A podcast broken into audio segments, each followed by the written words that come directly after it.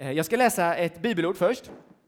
Ehm, det får bli min predikotext, även om jag inte utgår så där extremt mycket från den. Ni får förlåta mig. Eh, men det är en bra text. Matteus evangeliet kapitel 10. Det är när de tolv sänds ut. Han kallade till sig eh, sina tolv lärjungar och gav dem makt över orena andar så att de kunde driva ut dem och bota alla slags sjukdomar och krämpor.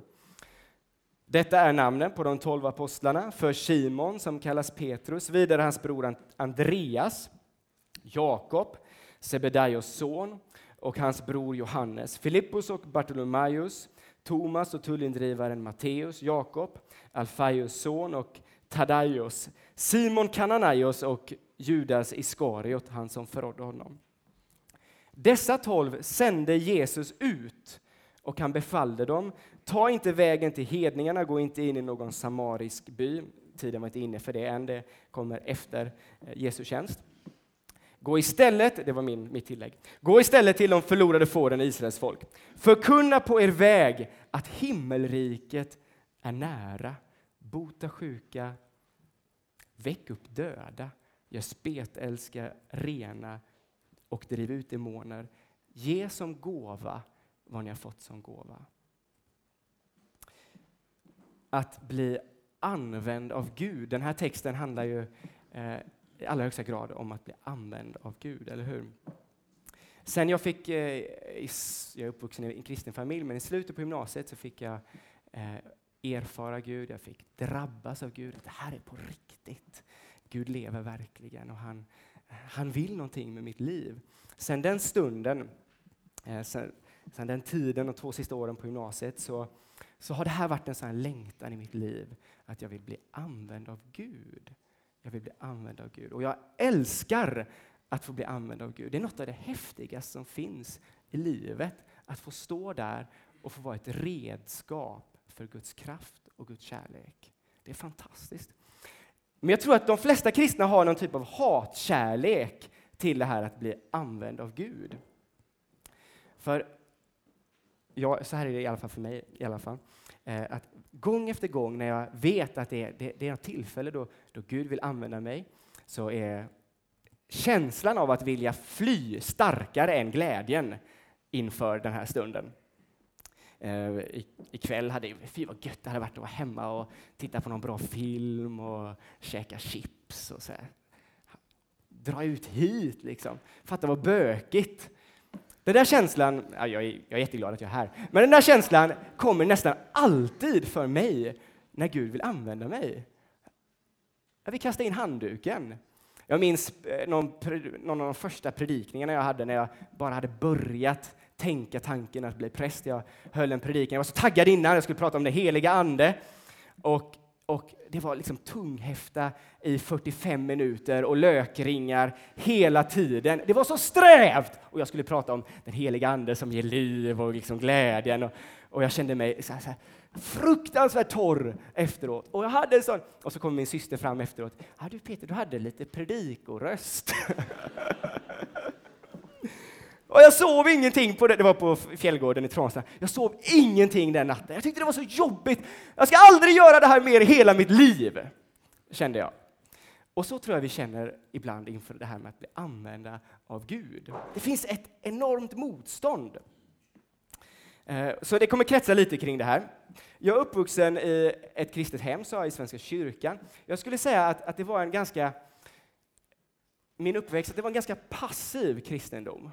Det handlade ganska mycket om att, att få, att ta emot. Jag gick, till, jag gick till gudstjänst och där fick jag ta emot en, en predikan som jag inte förstod så mycket av. Eh, jag gick till gudstjänst och fick ta emot eh, brödet och vinet. Jag blev frälst, jag tog emot Jesus när jag döptes. Jag har inget minne av det.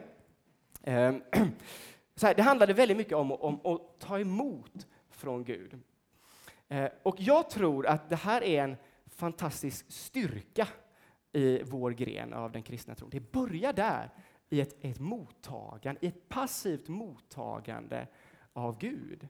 Vi, vi, får, vi får bara stå och vara, liksom, ta emot allt det som han vill ge oss. Det börjar med Gud. Det börjar med att han gör allt för dig. Han dör på ett kors. Innan du ens har liksom hunnit tänka en enda intellektuell tanke om Gud så får du vara med. Du får bli döpt och frälst och tillhöra honom. Det tycker jag är fantastiskt. Det är något som jag, som jag är stolt och som jag är väldigt tacksam för i den här delen av kyrkan som vi tillhör. Men jag tror att det finns en fortsättning på det här. Det här är en grund och en grund som man återkommer gång efter gång efter gång till i det kristna livet. Men det finns en fortsättning. Texten som vi läste slutar, ge som gåva vad du har fått som gåva. Ge som gåva vad du har fått som gåva. Jag var eh, under ett par års tid missionär i Mellanöstern. Jag bodde i Jordanien i ett år. Och då måste man besöka Döda havet. Eh, jag vet inte, en del av er har kanske simmat i Döda havet. En, man simmar inte, man flyter där på Döda havet. Och jag, jag skulle besöka Döda havet då, som alla andra som var där.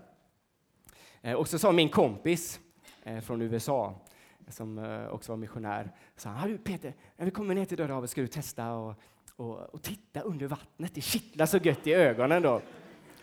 Eh, dum hade kunnat, kanske kunnat finnas med på de här, men det fanns ju inte i mitt namn. Eh, och jag skulle ju pröva det här såklart. att titta under vattnet. Ja, det var vidrigt. Fatta vad det gör inte det. Jag kuta upp på stranden och sköljer mina ögon. Men det var inte poängen. Jag skulle prata om Döda havet. Döda havet är ju stendött. Det är fullständigt, det finns inget liv i Döda havet. Det är så, för att det är så salt. Vad är det som gör att, att det är dött, Döda havet? Jo, det ligger på jordens lägsta punkt. Det innebär att det bara rinner in vatten i Döda havet. Det finns inget utflöde. Det bara rinner in och rinner in och rinner in. Och det gör att den här sjön dör. Jag tror att, att det är samma sak med det kristna livet. Om mitt kristna liv bara handlar om att ta emot. Gud ge mig, Gud ge mig. Då kommer någonting att hända. Det kommer bli unket i, i vår tro. Det kommer att lukta illa. Och till slut så kanske det till och med kan tyna bort och dö. Det måste finnas ett utflöde för det som vi får ta emot. Och så är det med den kristna tron. Alltså, vi har fått så oerhört mycket från Gud. Vi har fått vi har fått frälsning, vi får tillhöra honom, vi har fått evigt liv. Hallå, den helige Ande, Gud själv, bor i oss genom dopet. Det är hur coolt som helst. Och allt det här liksom bara flödar över oss som en stor flod av Guds godhet. Men det där måste få sippra ut från våra liv. Annars så kan det faktiskt dö. Men att, att att bli använd av Gud. Jag tror inte att huvudanledningen till varför vi ska längta efter att bli använd av Gud är för att, för att rädda min egen tro. Utan det handlar om, som ni har pratat om den här dagen, om att den här världen har, har vänt sig bort från Gud. Den här världen går, går under utan gemenskapen med, med vår Herre. Och vi har fått ta emot honom. Vi får bli ambassadörer för honom. Eh, Gud vill använda människor. Det här får bli min första rubrik. Gud vill använda människor. Ibland tror jag vi, vi tänker så här att, ja, jag tänker det i alla fall, men varför behöver han oss människor? Kan han inte bara sända någon stor, liksom så här, som i någon Star Wars-film eller någon så här ljusstråle från himlen och bam! Så blir alla frälsta. Det kanske han hade kunnat göra. Det vet jag inte om det hade, hur det hade gått ihop med den fria viljan. och så här. Kanske hade Gud kunnat göra det. Och ibland, ibland gör han ju nästan så. Jag menar, Paulus är ju typ eh, i den kalibern. Liksom. Eh, här kommer Jesus eh, som en ljus uppenbarelse och Paulus är på väg att döda de kristna och där vänds hans liv fullständigt. Det är nästan, nästan på det sättet. Men vi kan se när vi läser Bibeln som en röd tråd att Gud vill använda människor. Gud vill förvandla den här världen genom oss. Vi ser det, Obben var inne på det i, idag, vi ser det redan i, i Första Mosebok kapitel 1, 28. Vi får uppdraget, Gud välsignade dem, sa till de första människorna, var fruktsamma och föröka er. Uppfyll jorden och lägg den under er. Härska över, över skapelsen, över alla djur som myllrar Eh, på jorden. Alltså när Gud ska råda över den här världen. Alltså redan innan synden har kommit in så vill han göra det genom oss människor. Han vill härska över den här skapelsen genom oss. Det är hans, det är hans strategi, det är hans plan. Det är ganska ironiskt att det stod att vi skulle härska över djuren och så bara några verser senare så läser vi om ett av djuren, ormen, som, som istället börjar härska över människan, eller hur? Som får med sig människan på sin sida. Skapelsen tar över. Vi misslyckas i vårt uppdrag att, att härska över den här skapelsen. Det uppdraget som vi har fått från början. Men Gud ger ju inte upp, eller hur? Det är det fantastiska med Gud. Utan han, han fortsätter att driva igenom sin plan. Och när han börjar, när han introducerar sin räddningsaktion, som vi vet, den kan vi, genom Jesus Kristus. Han sände sin son att dö på ett kors, att bära ondskan, att, att bära det som har blivit fel. Han dör på korset, besegrar ormen som hade besegrat människan. Jesus besegrar ormen på korset. Han förlåter våra synder. Vi är välkomna hem igen till honom. Men hur ska det här nå ut i världen? Igen så ser vi hans plan så tydligt. Han använder människor. Jesus hade tre år av tjänst på den här jorden. Tre år av, av tjänst. Och man ser det väldigt tydligt under de här tre åren. Vad gör han? Han, han botar sjuka och, och, så vidare. Han, han proklamerar Guds rike och visar Guds kärlek. Men han tränar också människor. Han tränar tolv personer på ett väldigt specifikt sätt. Eh, alltså, de här tre åren av tjänst är också en lärjungaskola. Tre år lång lärjungaskola för, för de tolv. Och så, det, det häftiga är Jesus gör och sen så skickar han iväg lärjungarna. Det var ju det vi läste i den här texten, eller hur? Han säger så här till dem, förkunna på er väg att, Guds, att himmelriket är nära. Bota sjuka, väck upp döda, gör spetälska rena och driv ut demoner. Alltså det som de hade sett Jesus göra. De hade ju varit med när Jesus hade gett syn till de blinda, när Jesus hade mött de fattiga. De hade varit där, de hade sett det. Och så säger Jesus, nu är det er tur. Jag tror att de var lite darriga när de, när de gick ut på det här uppdraget. Jag tror de var skraja. Men han, redan under sin tjänst så övar han dem på ett, extre, på ett väldigt praktiskt sätt att, att, att gå ut i tjänst, att bli använda av Gud. Och vet ni vad, jag tror, jag tror, det här var 2000 år sedan, jag tror inte han har ändrat strategi. Jag tror han gör samma sak. Han tränar människor till tjänst för sitt rike. Han gör det här i det här rummet just nu. Han vill träna dig till tjänst, att göra samma saker som Jesus gjorde, att härma Jesus. Gud vill använda människor. Min andra rubrik är, och sista, han vill använda just dig. Han vill använda just dig. Ofta när vi pratar om det här att Gud vill använda människor så, så är det så lätt att mentalt tänka att ja, men han vill använda någon av de där andra ledarna. Det är de Gud använder. Eller man börjar titta runt. Vem är det som Gud vill använda? Han vill använda dig. Han vill använda dig. Vi blir, när, vi, när jag säger de här orden, han vill använda dig, så jag, jag, jag får direkt så här massa försvarsmekanismer. Han vill Gud använda mig? Men det där var ju riktat till apostlarna. Nu, nu, börjar vi, nu kommer teologen, växtteologen i oss här. Ja, men det där var ju riktat till apostlarna, eller hur? Det där med bota sjuka och driva ut demoner. Det var ju de som skulle göra det. Ja, det stämmer. Den historiska kontexten var att det där var riktat till de, den första kyrkans ledare som fick ett alldeles särskilt mandat. Men så läser man vidare i Bibeln och så läser man Efesierbrevet 4 där det räknas upp, där, där ledarna i församlingen räknas upp. Apostlar, profeter, herdare och, och lärare. Och så ser vi, vad är deras uppdrag? Att skickliggöra de heliga. Att skickliggöra de heliga. Alltså, apostlarna fick det här uppdraget därför att de skulle utrusta dig och mig. Uppdraget lever vidare. Visst fanns det liksom ordning och struktur i det här, Men samma kallelse som ligger över apostlarna i, det här, i den här bemärkelsen ligger över oss. Därför att en kristens kallelse är ju, vad är det? Det är att likna Jesus, eller hur? Att likna Jesus i tanke, i hjärta, i liksom empati, kärlek till de svaga. Men också rent konkret, praktiskt. Jag tror att vi ska bota de sjuka precis som Jesus gjorde.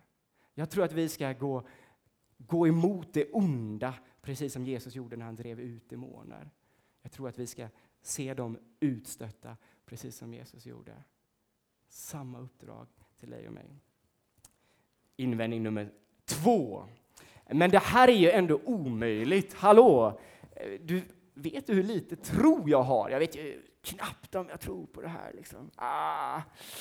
Och så börjar man vrida sig. Jo, men så är det kanske. Vi kan, vi kan tvivla och vår, vår tro är inte alltid så stor. Och särskilt när du har fått ett uppdrag. Du ska eh, predika på ungdomsgruppen eller i din skolgrupp. Eller så här. Just då är det så ofta som det, det bara rinner ur en. Och så, ah, jag vet inte om jag tror på Jesus ens. Liksom.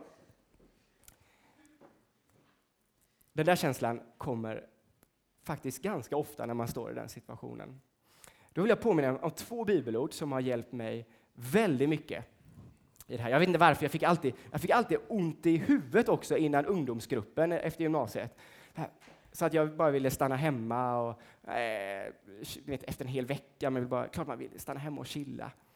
Eh, men två bibelord som har hjälpt mig att gå emot den där känslan som nästan alltid kommer när du på något sätt är kallad att bli använd av Gud. Det är vi ju alltid, men på ett spe speciellt sätt. Eh, det första är första Korintierbrevet 4.7. Där står det så här. Men denna skatt, det är Paulus som talar, denna skatt har jag i lerkärl för att den väldiga kraften ska vara Guds och inte komma från mig. Jag jobbar med jag har ett gammalt hus, jag älskar att jobba med lera. Lera är ett fantastiskt material, men det är ett ganska skört material. Det blir ganska lätt sprickor i det och man kan knacka, knacka sönder det med en hammare lätt om man vill.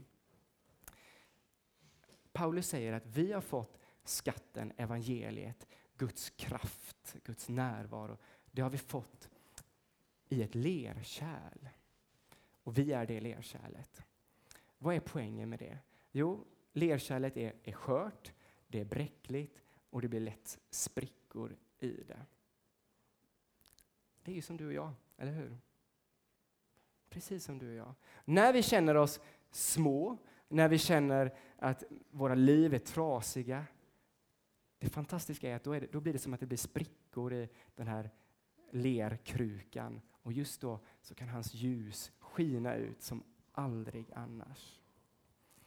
Ett annat sånt bibelord som jag, som jag brukar använda ganska konkret när jag bara vill fly och dra eh, täcket över huvudet är från Andra Korinthierbrevet 12.9. Och det Paulus är i någon märklig situation som teologerna inte har rätt ut vad det är, men det, det, det, han säger att det kanske är så konkret som det, som det är. En ängel från Satan misshandlar honom. Det låter ju inte trevligt. Så teologer brukar säga att det är någon eh, sjukdom eller något annat. För det kan ju inte vara en ängel från Satan som misshandlar honom. Men eh, hur som helst. Eh, Paulus har det tufft, han har det jobbigt. Eh, eh, och vad säger han då? Han säger de här fantastiska orden. Ja, i svagheten blir kraften störst. I svagheten blir kraften störst. När jag vill fly från att, från att bli använd av Gud, eh, när jag känner mig liten, missmodig, ja, men kan Gud använda mig? Inte ska väl jag? Det finns sådana som är mycket smartare än jag, som är mycket mer begåvade. Varför skulle Gud vilja använda mig? Oh, jag har lite ont i magen också, nu kan Gud inte använda mig. Nu ska jag nog stanna hemma. Nu hamnar jag i de situationerna som du aldrig hamnat i. Då säger jag så här till mig själv, och jag är så barnslig så jag, jag, jag vänder mig faktiskt också till den onde, den ludne, och så säger jag så här, ja, vet du vad Paulus sa? Eh, I svagheten blir kraften störst. Eh, förstår du vilket dumt drag du gör just nu? Jag känner mig svag, jag känner mig liten. I svagheten blir kraften störst. då vet han att om han fortsätter, och det, kan, det, ju, det kan ju vara mitt eget psyke och sådär, och det kan vara alla möjliga faktorer. Det behöver inte vara den onde, det är inte det jag säger. Men om det är den onde, så vet han att om han fortsätter och, och liksom trycka ner mig med missmod och att, att jag ska känna mig liten och så här, vad händer då? Då blir bara kraften större, eller hur? När jag är ett svagt kärl, då blir hans kraft ännu större. Det här är två fantastiska bibelord som gör att vi kristna, nu har jag, just nu har jag tagit svaghetskortet ifrån dig. Det drar vi så ofta, vi kristna. Nu har jag tagit det ifrån dig. Du kan inte dra svaghetskortet när Gud kallar dig till tjänst i hans rike. Du kan inte dra det, för då blir kraften ännu större, eller hur? Så, nu har du inte svaghetskortet längre. Nu kan du inte fly. Din lilla tro hindrar inte Guds enorma kraft. Det här är ett fantastiskt bibelord. När man är förebedjare och någon kommer fram och säger ont i knät och då känner du också att du vill springa, äh, jag behöver en pissepaus nu. Din lilla tro hindrar inte Guds enorma kraft. Jag tror det här är så viktigt för oss som församling att ta med oss. Tänk vad som kan hända. Din, din lilla tro hindrar inte Guds enorma kraft. Din ovilja kan göra det. Men inte din lilla tro. Gå när du känner dig som svagast.